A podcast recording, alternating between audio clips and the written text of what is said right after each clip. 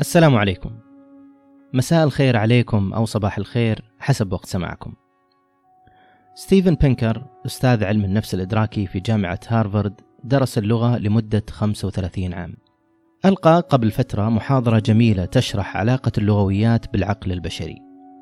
ستيفن يرى أن اللغة هي أحد الموضوعات الجوهرية في العلوم الإنسانية والسمة التي يتميز بها البشر عن باقي المخلوقات.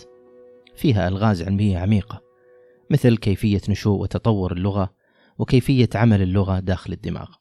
اليوم نحاول في حلقتنا هذه نلخص لكم أهم ما في هذه المحاضرة وفي وصف الحلقة تجدون رابط المحاضرة مع الترجمة لمن يود أن يشاهدها. بودكاست ألسن واحة من المعرفة اللغوية بالعربية.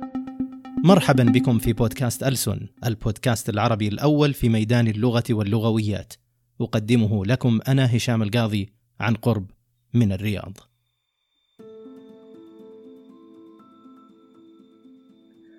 قسم ستيفن محاضرته إلى أقسام. في القسم الأول اللغويات وضح بأن اللغة مركزية للحياة البشرية. ينجز البشر أمورهم لأن بإمكانهم تبادل المعلومات حول معرفتهم ومقاصدهم عن طريق وسيط اللغة. استشهد ستيفن بقول تشارلز داروين لدى الإنسان ميل فطري للتحدث كما نرى من خلال ثرثرة أطفالنا الصغار في حين أنه ما من طفل يملك ميلا فطريا للخبز أو الشرب أو الكتابة. ومع أني أخالف داروين في سالفة الأكل والشرب لكن بالنسبة للكتابة هو صادق. المهم بالنسبة لستيفن اللغة موهبة معقدة وبالتالي علم اللغة موضوع أيضا معقد. إشارة جانبية على السريع. في الحلقة التعريفية من البودكاست شرح سريع للغويات ما يتعدى ثلاث دقائق. رابط الحلقة في الوصف وبالمرة نوصيك تشترك بالبودكاست وتدعمنا بإعجابك. نرجع لمحاضرة ستيفن بينكر اللي يقول أنه علم اللغة يتضمن أربعة أشياء. كيفية عمل اللغة من حيث النحو آه، تركيب الكلمات والعبارات والجمل وعلم الأصوات اللي هو دراسة الصوت وعلم الدلالة هي دراسة المعنى والتداولية وهي دراسة استخدام اللغة في الوسط والمحيط الثقافي والاجتماعي. دعوني أضيف هنا علم أنظمة الكتابة وهي دراسة اللغة المكتوبة الذي أصبح هو والتداولية مؤخرا من المجالات المهمة في اللغويات. الثاني كيفية معالجتها في الوقت الحالي في مجال يسمى علم اللغة النفسي. الثالث هو دراسة اكتساب اللغة وكيف يكتسب الأطفال اللغة. الرابع كيفية معالجة اللغة في الدماغ وهي ما يسمى باللغويات العصبية.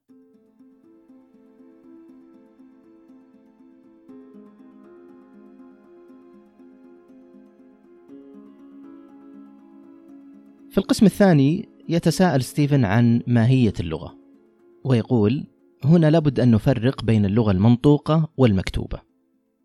إذا أطلقنا كلمة اللغة فالمقصود بالطبع اللغة المنطوقة لأن اللغة المكتوبة على عكس اللغة المنطوقة موجودة في جميع الثقافات البشرية على مدار التاريخ. اللغة المنطوقة نكتسبها بدون اختيار، لكن اللغة المكتوبة نختار أن نتعلمها في المدرسة. في فرق أيضا في قواعد اللغة بين نوعين. هناك ما يسمى النحو الوصفي وهي القواعد التي تصف الطريقة التي يتحدث بها الناس، والنحو المعياري وهي القواعد التي تصف الطريقة التي يجب أن يتحدث بها الناس. وصرح ستيفن بأن العديد من القواعد المعيارية ليست منطقية على الإطلاق وقامت على أساس أخرق. أيضا قارن في هذا الجانب بين قواعد اللغة وما يسمى اللهجة وأظهر أن كل منهما معقد بطريقة مختلفة وله قواعده الخاصة. مم. طيب ماذا عن علاقة الأفكار باللغة؟ ناقش أيضا بينكر الفرق بين اللغة والأفكار وعرض بعض الآراء مثل أن الأشخاص يظنون أنهم يفكرون باللغة. لكن علماء النفس المعرفي أظهروا أن هناك أنواع كثيرة من الأفكار التي لا تحتوي لغة. مثلا طريقة تفكير الرضع قبل تعلمهم الحديث أو نداءات الحيوانات. كذلك من أشكال التفكير ما يكون بالصور المرئية لا بالكلمات. وضح ستيفن بنكر أن من أهم نتائج علم النفس المعرفي المهمة هو أن الذاكرة طويلة المدى تسجل خلاصة أو معنى أو محتوى الكلمات بدلا من الكلمات ذاتها. كيف؟ يعني ما يعلق في الذاكرة هو شيء أكثر تجريد بكثير من الجملة اللغوية ممكن نسميه المعنى أو المحتوى أو الدلالة على سبيل المثال يقول بنكر في المحاضرة أعتقد بأنكم احتفظتم في ذاكرتكم ببعض ما قلته خلال الدقائق الأخيرة لكني أشك بقدرتكم على إعادة ذكر أي جملة بشكل حرفي. ها أنتم تتذكرون كثير مما قلته يعني بالمعنى ولكن لا ربما لا تتذكرون ما أقوله حرفيا. أعزائي ألا تلاحظون أحيانا أنه يكون الشيء الذي نود أن نقوله واضح في أذهاننا بس ما نقدر نعبر عنه بوضوح لأن الكلمات ما تساعدنا؟ هذا هو بالضبط الذي يقصده بينكر. فاللغة إذا ليست تفكيرا بل طريقة تعبير عن الأفكار.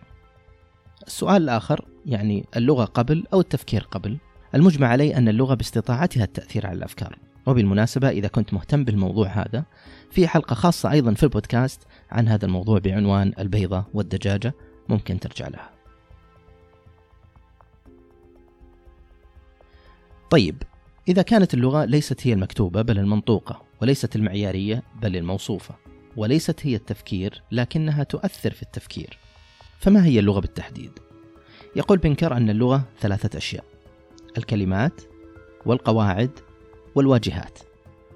الكلمات هي اللغة المخزنة في الذاكرة طويلة المدى وممكن نسميها المعجم أو القاموس الذهني وهذا المعجم في العقل واسع جدا بحيث يكون لدى الإنسان القدرة الفائقة في تخزين معاني وأصوات الكلمات والاختيار بينها أثناء الحديث. القواعد اللغوية هي الخوارزميات. النظام الذي نستخدمه لتجميع أجزاء اللغة في تراكيب لغوية معقدة وهي على أقسام. النحو يجمع الكلمات في عبارات وجمل والصرف يجمع لنا الحروف ويشكلها في كلمات مفيدة والأصوات التي تنظم عملية الجمع بين الساكن والمتحرك في اللغة. وأضيف أنا هنا نظام الكتابة الذي يشبك كل صوت أو معنى في اللغة بحرف أو رمز معين حتى نقدر نعبر عن أنفسنا بالكتابة مثل ما نعبر عن أنفسنا الآن بالكلام. ثم تكلم ستيفن بينكر عن تشومسكي. يقول بينكر أن مساهمات أشهر لغوي في العصر الحديث نعوم تشومسكي هي جزء لا يتجزأ من الدراسات الحديثة للنحو. ومن هذه المساهمات إشارة تشومسكي إلى أن اللغز الأساسي في فهم اللغة هو الإبداع أو ما نسميه نحن اللغويين الإنتاجية وهي القدرة على إنتاج وفهم جمل جديدة. المساهمة الثانية أن المعنى منفصل عن النحو يعني ممكن يكون في كلام صحيح نحويا لكن معناه غير صحيح. المساهمة الثالثة كما يقول بنكر أن النحو إبداعي ولا يتولد بسبب سلسلة من الكلمات النمطية الثابتة. وأفضل مثال على هذا لغة الأطفال التي لا يستخدمها الكبار. تسمع طفل مثلا يقول بابا سيارة وتفهم أن الطفل يريد أن يركب السيارة مع أن الطفل ربما لم يسمع في حياته أحد يقول بابا سيارة. طيب كيف أنتجها؟ هذه هي إضافة تشومسكي. لكن بينكر يختلف أيضا مع تشومسكي كثير.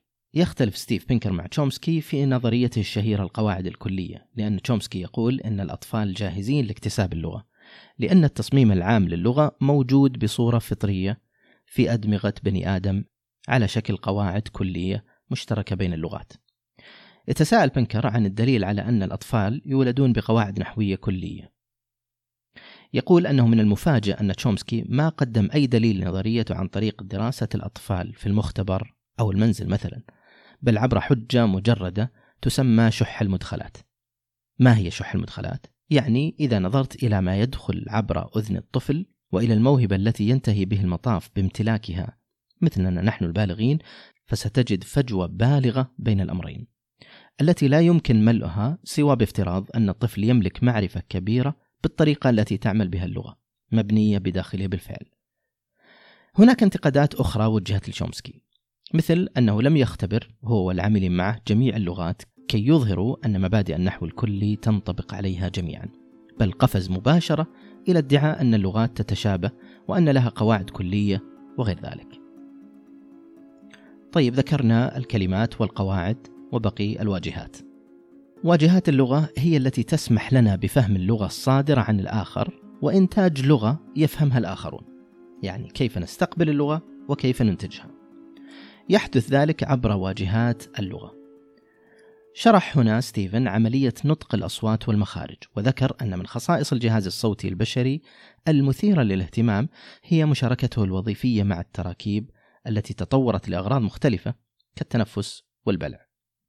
كيف نفهم الخطاب؟ كيف نفهم ما يقوله الناس؟